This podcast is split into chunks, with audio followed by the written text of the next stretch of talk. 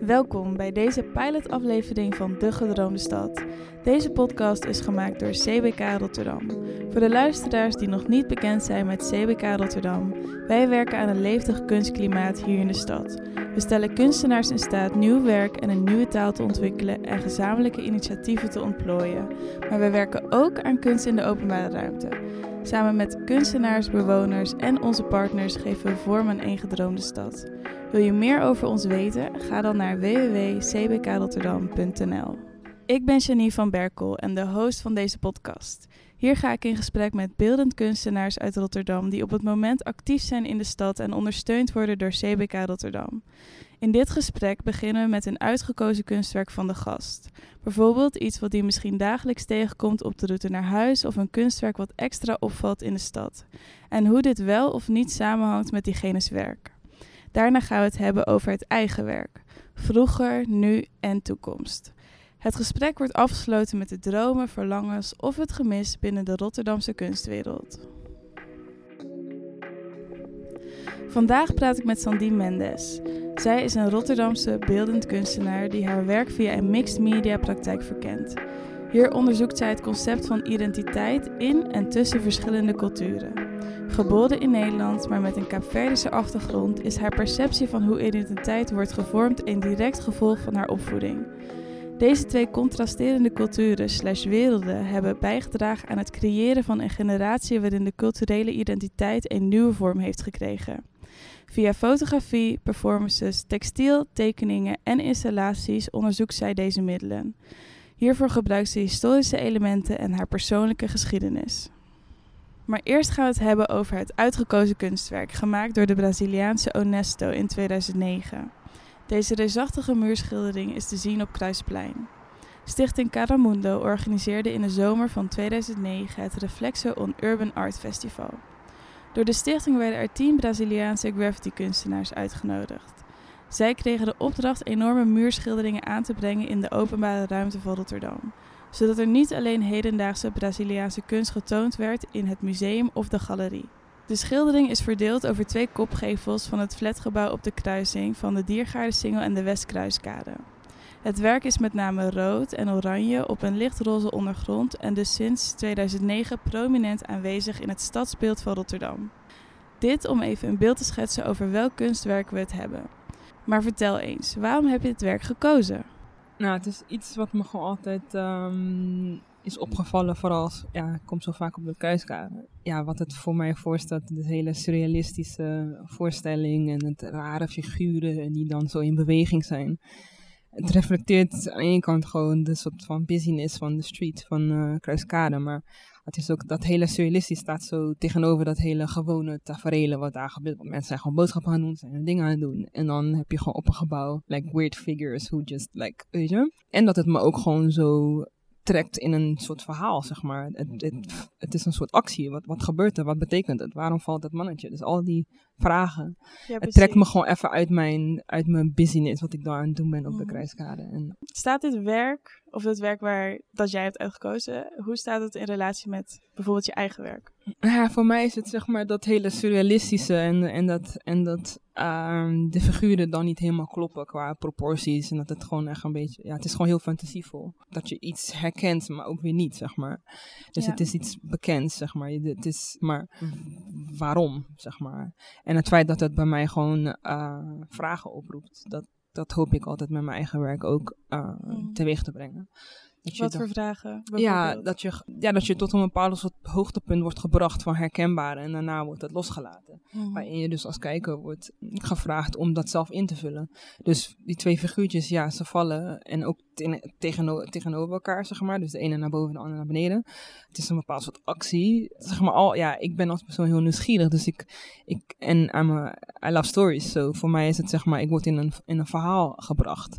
En dat is iets wat ik altijd hoop te doen met mijn eigen werk, waarin ik zeg maar een bepaald soort verhaal neerzet. En dat je dat aan de ene kant kan herkennen, Maar aan de andere kant, waar gaat het precies over? Je praat over verhalen. Wat voor verhalen in jouw eigen werk komen bijvoorbeeld naar boven? Als ik moet kijken naar het werk wat in tent hing in 2017. Tabim Tempo Ki, dat is een uh, Caviaanse titel. Dat heet, dat er komt een tijd dat. Een werk dat is gebaseerd op verhalen die mijn moeder met mij heeft gedeeld. Ja, die verhalen ben ik dan eigenlijk in beeld gaan brengen.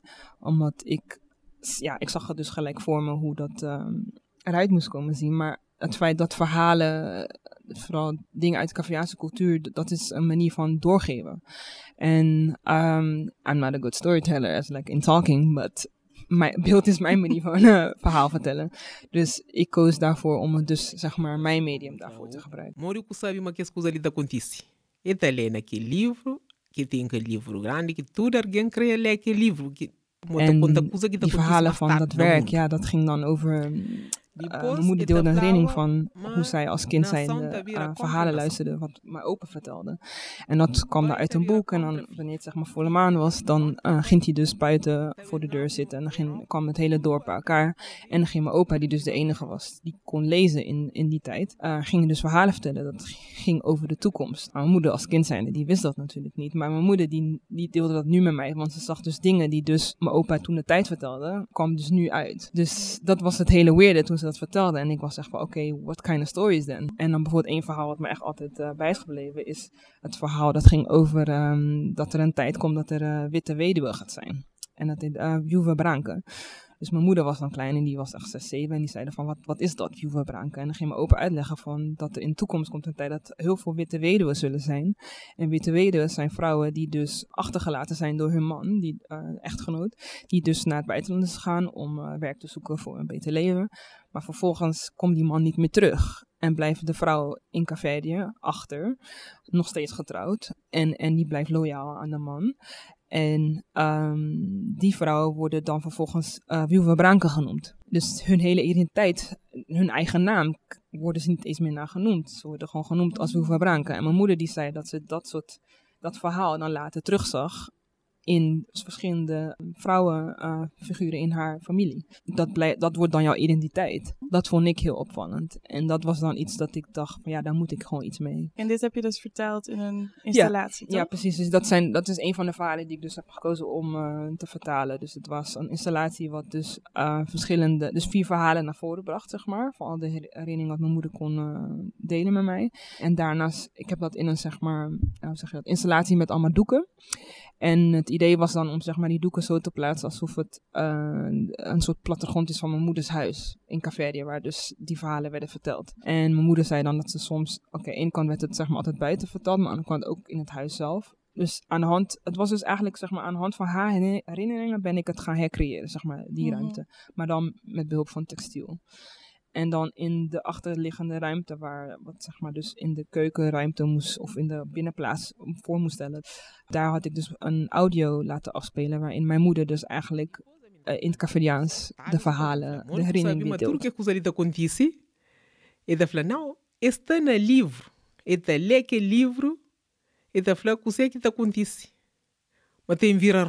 e.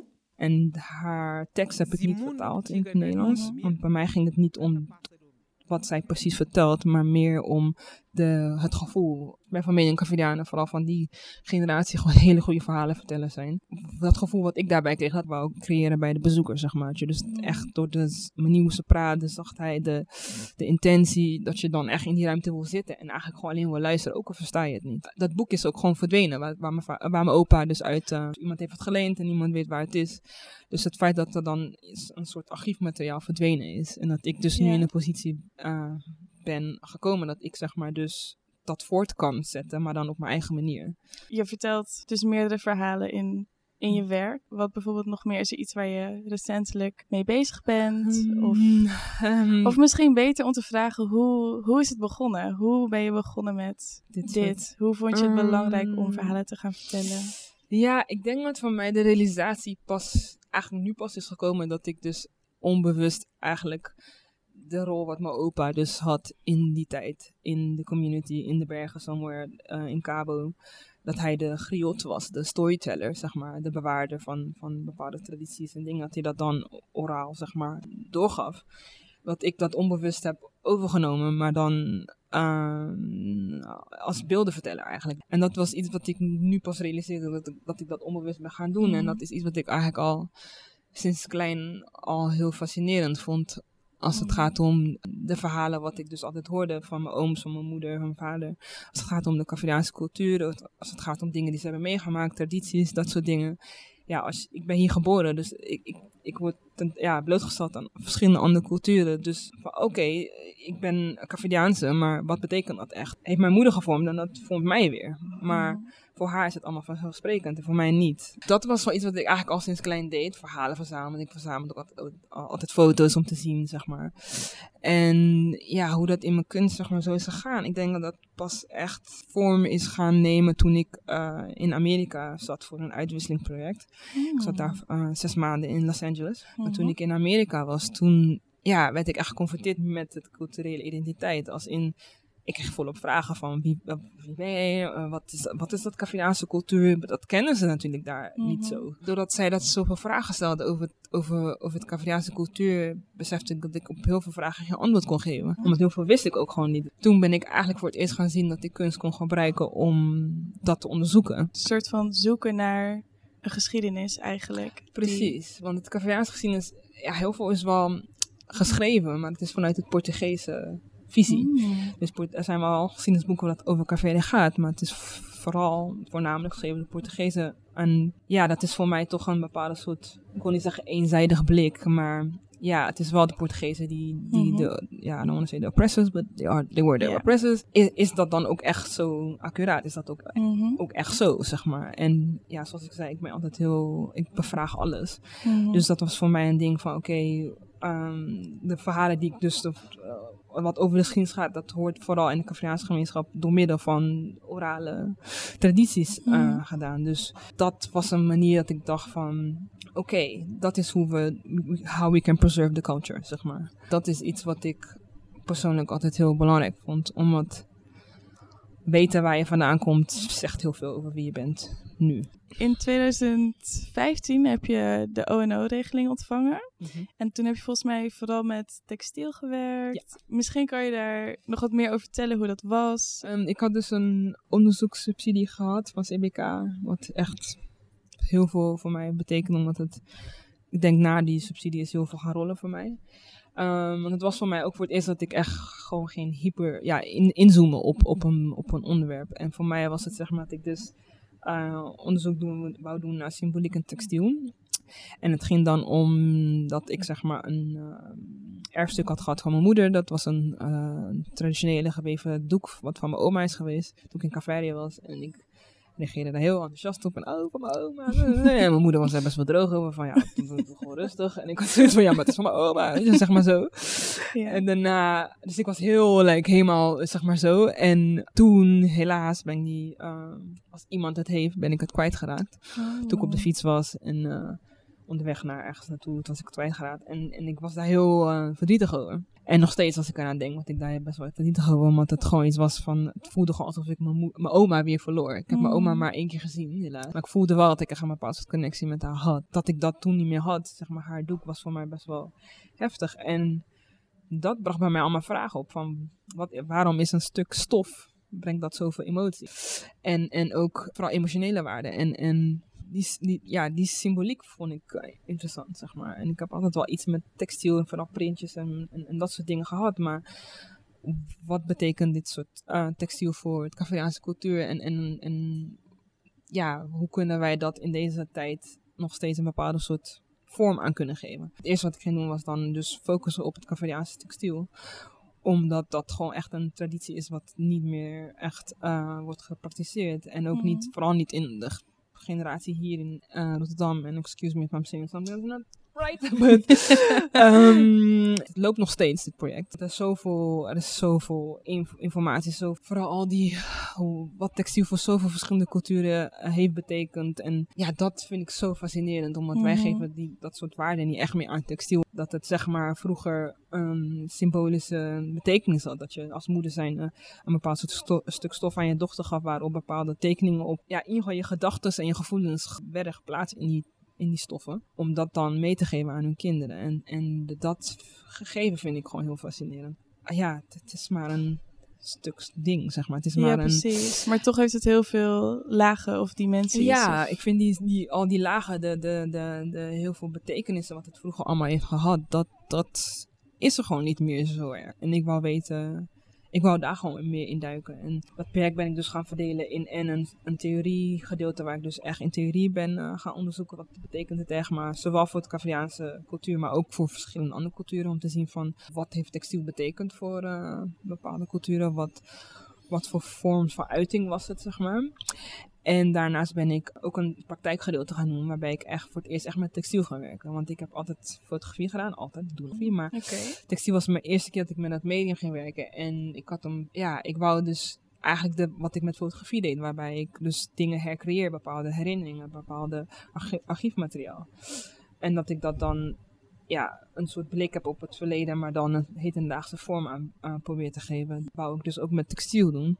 Dus daarvoor moest ik dus, oké, hoe zijn deze doeken gemaakt? Dat is echt handgeweven. Ik ben naar Caveria gegaan, ook met, met de subsidie Oh, wauw. heb ik daar een paar dagen gezeten. Want er bleek dus nog een aantal weven zijn die aan het weven. Mhm. Dat er nog een paar zijn die dat nog steeds doen. Verstopt ergens in een bepaalde soort dorpen. Toen ben ik gewoon naar Caverde gegaan en daar echt eh, mensen opgezocht die daar iets meer over, wilden, eh, meer over wisten. En ook mensen die echt aan het weven waren. Echt om daar soort van, oké, wat is de core? Wat is het beginpunt? En vanuit daar ben ik dus mijn eigen versies gaan maken. Mhm. En heb ik leren weven, dat was in Amsterdam. Dus alle informatie die ik had verzameld, zowel theorie als in praktijk, ben ik vervolgens in nieuw werk gaan maken. En dat ben ik toen in IJsland gaan doen. Echt heel fijn om te doen, omdat ik dus echt even afstand nam van Nederland, Rotterdam, Caverde en helemaal in IJsland ben gaan zitten. Maar ik zag ook ja, gelijkenissen tussen eh, IJslandse textiel en Caviaanse textiel. Daar ben ik dus het eerste doek wat ik heb gemaakt, dat heet eh Panuchang. Dus je hebt drie soorten in Caviaanse textiel. De eerste is Panuchang en die heb ik eh, nu mijn eigen versie van gemaakt. Mhm. En dat is dus zeg maar, de, de traditie van dat was dat het zeg maar, Panuchang betekent heel plain, niet zo uitbundige het soort symboliek wat erop was. Dan heb ik een, dus een soort ode gedaan aan, me, aan dat doek van wat ik van mijn oma heb verloren. Daarin heb ik de, een afbeelding met lino-sneden en heb ik, ja, dit is een lang story, but eh, heb ik dus zeg maar, de, de Caviaanse textiel ben ik dus gaan hercreëren, maar dan volgens Mhm. mijn idee ervan. En wat is dan iets waar je dan nu mee bezig bent? Ja, dus nu ben ik me aan het voorbereiden op, op twee grote langdurige projecten. Omdat ik het gevoel heb dat ik daar iets meer in wil verdiepen, meer research wil, naar wil doen. En daar, een daarvan is dus zeg maar de, dat boek wat ik net vertelde over eh, dat van mijn opa is geweest. Eh, Het feit dat het gewoon missing is vind ik al fascinating. Mhm. En om niemand weet waar het is, dat het zo belangrijk was. Iedereen wou het lenen of wou het lezen of iets, weet je. Maar... En het feit zeg maar, dat dat een boek was dat op generatie op generatie werd doorgegeven. Mhm. Het was iets wat mijn opa kreeg van zijn vader en die kreeg het weer van zijn vader.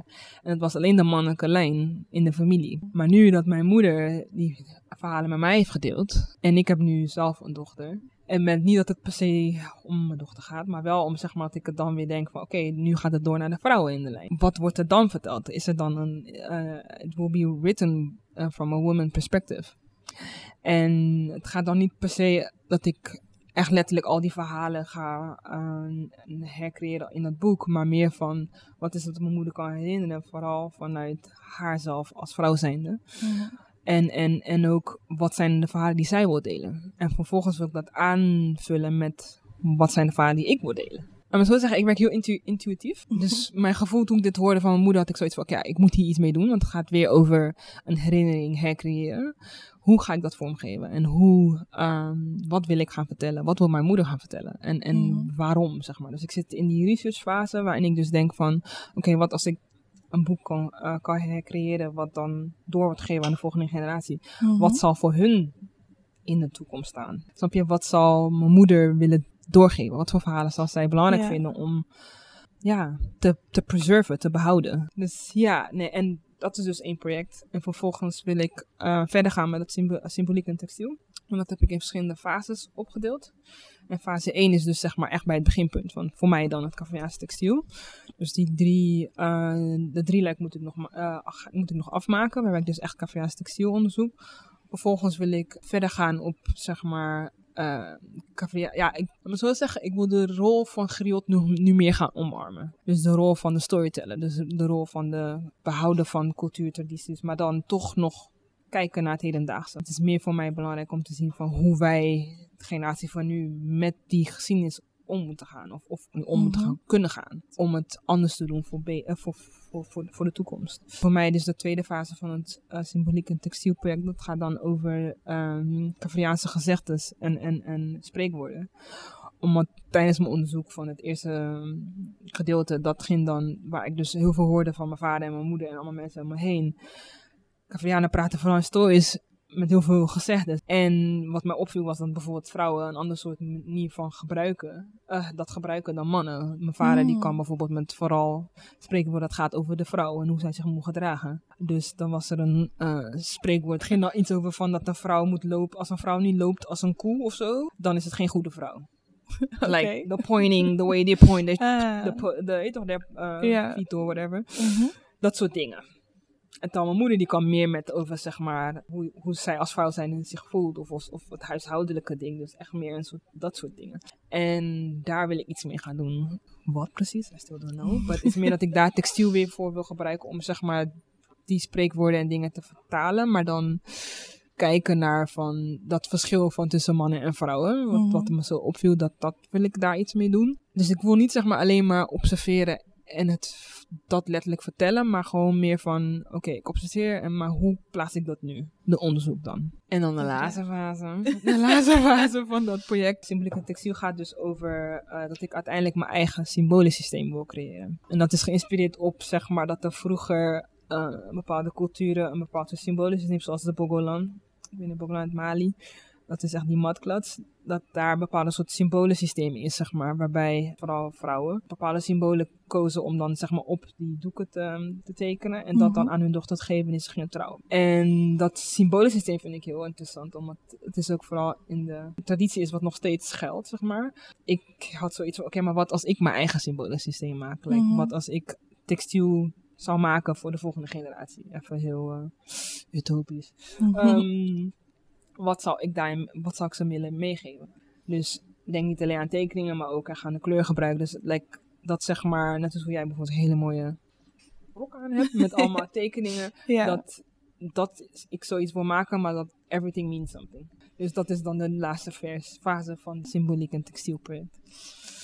Ja, wauw. Klinkt als een um, super mooi plan om aan te werken de ja, komende it's, it's tijd, huge. jaren. Ja, ja, Ja. precies. En ik, ik heb daar wel gewoon echt zin in om, zeg maar. Mhm. En dat is, wat, dat is wat ik zo fijn vond aan het hele ONO-subsidie, was dat het me echt voor het eerst de tools gaf om echt, en de ruimte gaf om echt, zeg maar, te hyperfocussen op iets, zeg maar. Juist, en echt, zeg maar, in plaats van de duizenden dingen wat je dan allemaal idee hebt, maar je denkt van, oké, maar ik heb nu alleen dit. En hoe meer tijd je eraan geeft, hoe meer ruimte je daarvoor creëert, hoe complexer het wordt, zeg maar. Ik had niet Mhm. gedacht dat ik, zeg maar, uit dat ene project zo'n hele gigantische project zou creëren, maar het is because I did the, I was doing research. En ik zeg niet dat alle kunstenaars zo werken, maar voor mij is research echt mm, nummer één top ding, naast dat intuïtieve, omdat je leert, zoveel, er is zoveel wat we nog niet weten of wat bruikbaar is, zeg maar. Mhm. Omdat at the end of the day, I want to learn from the past to do better in the future. Ja, ik merk dat je heel veel praat over vroeger, nu, toekomst. Daar beweegt je werk eigenlijk wel Mhm. heel veel rond. Je bent gewoon een heel nieuwsgierige kunstenaar, om zo maar te zeggen. Of zo klinkt het. Ja, ja. Waarom is Rotterdam een goede stad voor jouw kunstpraktijk? Want je woont en werkt hier. Ja, dat is een beetje waar het beginpunt van mijn story, of hoe zeg je dat, van mijn artist statement is. Van dat ik dus dat culturele, culturele identiteit onderzoek in, uh, in een diverse samenleving. En dat is Rotterdam. Ik Zeker. ben opgegroeid in een, in een gebouw waar Turks, Turkse buren, Marokkaanse buren, Surinaamse buren. Weet je, dus je bent constantly with different cultures. Voor mij is Rotterdam in die zin zo belangrijk, omdat ik ben gewoon hier geboren, getogen en, en zij hebben mij ook gevormd, zeg maar. De stad heeft mij ook gevormd. Naast dat hele belangrijke, en dat was gewoon thuis werd gewoon Cavriaans gesproken, Cavriaans gegeten, uh, normen en waarden, alles. But the moment I get out of the house, it's Rotterdam. En, en wat, wat is daar allemaal? Mhm. En die, die twee werelden, dat was, uh, is voor mij altijd mijn inspiratiebron geweest. Omdat ik vind identiteit gewoon heel fascinerend, van hoe je dat wordt gevormd. En Rotterdam, het is zo grappig, ik ben gewoon nooit meer weggegaan. Mijn kunstopleiding was Rotterdam, alles Rotterdam, weet je. En ja, voel ik me echt een Rotterdammer? Yes. Maar then again ben ik ook echt een wereldburger. Als ik- Juist, ik, ik, hou gewoon van reizen know different cultures en allemaal dat stuff. Maar het, Mhm. begon, het begint wel hier. Ja, ga ik voor het eerst zeggen, I like it here? Ja, I like it here. nee, het is gewoon een beetje raar om zeg maar, vooral als je gewoon altijd hier bent geweest, dat je dan ineens naar, echt naar je stad moet kijken waar je dus al die tijd bent geweest, zeg Mhm. maar. Dus Dan over de kunst en cultuur in deze stad gesproken. Als jij het hier voor het zeggen zou hebben op het gebied daarvan, wat zou je willen doen of veranderen of toevoegen? Ten eerste heb ik ook zoiets van, oké, wie ben ik om dat te zeggen, om te bedenken. Maar bij mij, ik weet niet of het Nou ja, om te Voor de- dromen. Ja, precies. Voor mij is het denk ik niet alleen dat het opslaat op de kunst en cultuur, maar ik denk life in general, bij everything, weet je. Dat het Ja. gaat voor mij om dat ik denk, vooral als we kijken in eh, de huidige gesprekken, wat er nu eigenlijk wordt gevoerd, is zeg maar dat hele mm, ding van een bepaald soort openness, weet je. Een bepaalde soort, dat we een omgeving kunnen creëren waarbij we gewoon echt om de tafel kunnen zitten en echt naar elkaar kunnen luisteren. En zeggen van, hé, hey, dat zit mij dwars of dat doet me pijn. En dat iemand daar tegenover zit en zegt van, oké, waarom dan? Wat, Snap je Mhm. dat er gewoon een bepaald soort understanding is? Ik denk dat ik zeg maar, wanneer anderen pas mij daarop zeg maar wijzen, dat ik word gekozen voor exposities alleen vanwege mijn kleur, zeg maar. Mhm. Iets wat ik denk van super naar vind natuurlijk, maar ook echt denk van, ja, ik hoop dat er een tijd komt dat je, dat je niet dat gevoel kan hebben, zeg maar. Dat je dan denkt van, vraag je mij echt vanwege mijn werk of is het echt vanwege je cultu- culturele diversiteitsplan? Ik moet heel eerlijk zeggen dat ik dat tot nu toe niet echt heb gevoeld waarvan ik denk van, weet je, ik ben daar best wel, weet je, ook wanneer ik eh word gevraagd voor exposities, dan ben ik, ben ik best wel, oké, maar wat is het? Waar, waar, waar ga ik mijn werk neerzetten? Wat, sta- staat dat bij mij of iets in, snap je? En als ik maar een, een gevoel zou hebben van, oh, just because, weet je? Mhm. dan natuurlijk niet. Maar bij mij was het gewoon dat ik altijd probeer te kijken van, oké, oké, als ik ergens dat gevoel zou moeten hebben dat het zo is, maar hoe presenteer ik mezelf? Moet ik mezelf downgraden, just because to get the, the spot? Of ben ik nog steeds mezelf? Voor mij is het zeg maar dat ik dan hoop dat het dan, ja, gewoon dat dat soort vragen gewoon niet, dat ik dat niet wil stellen, zeg maar. Mhm. Dat er gewoon, dat er gewoon, weet je, en niet dat ik dat altijd denk. Dat moet ik wel echt zeggen, dat, is, dat gevoel heb ik gewoon in die zin niet. Maar ik word daar wel mee geconfronteerd vanuit zeker. anderen die dan gewoon zeggen, ja, ben je niet bang dat je wordt gekozen just because of your color? En ik hoop gewoon dat er op een gegeven moment dat soort vragen niet meer gesteld hoeven te worden. Snap je? Dat, dat in that sense, dat er gewoon een, dat er gewoon space wordt gecreëerd voor alle was. Dat er gewoon ruimte is en space is voor just like, yo, wie ben jij? Mhm. En, en, en dat, weet je. Dat, Ja. En niet de barrier hebben van culture, race en all, all those things. En ja. En Rotterdam doet al in die zin zijn best, maar You wat know. nu ook laat zien needs to be better. Ja. Weet je. Cause er er is nog te veel aan de hand, zeg maar. Zeker, dat het was een hele turbulente tijd. Of is. Is nog steeds. Ja, ja. En ik moet zeggen dat ik nog steeds niet alles weet. En dat je op een gegeven moment ook moet denken van waar, waar sta ik als kunstenaar? Wat wil Mhm. ik en waar wil ik het over hebben? En wat heb ik altijd over gehad? En does that need to change now? Maybe it does, but then, weet je? Dus het is, ik denk dat heel veel mensen nu een bepaalde soort identiteitsding hebben van oké, how do we move forward? But then stay true to yourself. Ik denk dat we met z'n allen gewoon nog heel veel aan het leren zijn. En open moeten staan. En de ruimte voor elkaar moeten maken. We moeten voor de volgende generatie, want anders... Precies. Ja. Sandiem, heel erg bedankt voor dit gesprek. Ik denk dat, we, dat het ontzettend waardevol is dat we je op deze manier hebben leren kennen. En als mensen nieuwsgierig zijn naar je werk, kunnen ze dat vinden op www.artistsandiemmendes.tumblr.com. Deze informatie zal ik ook in de show notes zetten, dus dan is het makkelijker te vinden. Uiteraard wil ik ook graag Elijah Waters bedanken, die onze muziek geproduceerd heeft, en Linda Purperhart, die onze geluidstechnicus is. Ehm, daarnaast wil ik ook graag de luisteraars bedanken en jullie meteen attenderen om een recensie of een review achter te laten, zodat we een groter bereik kunnen krijgen. En wat ik als laatste nog wil meegeven, kunst bestaat bij de gratie van een vrije uitwisseling van ideeën. Soms verdiepend, soms verrijkend, soms schurend. In alle gevallen wil kunst eigentijdse inzichten en perspectieven bieden, waarmee mensen elkaar kunnen vinden op verschillende posities beter kunnen begrijpen. En dan zeg ik voor nu tot de volgende keer.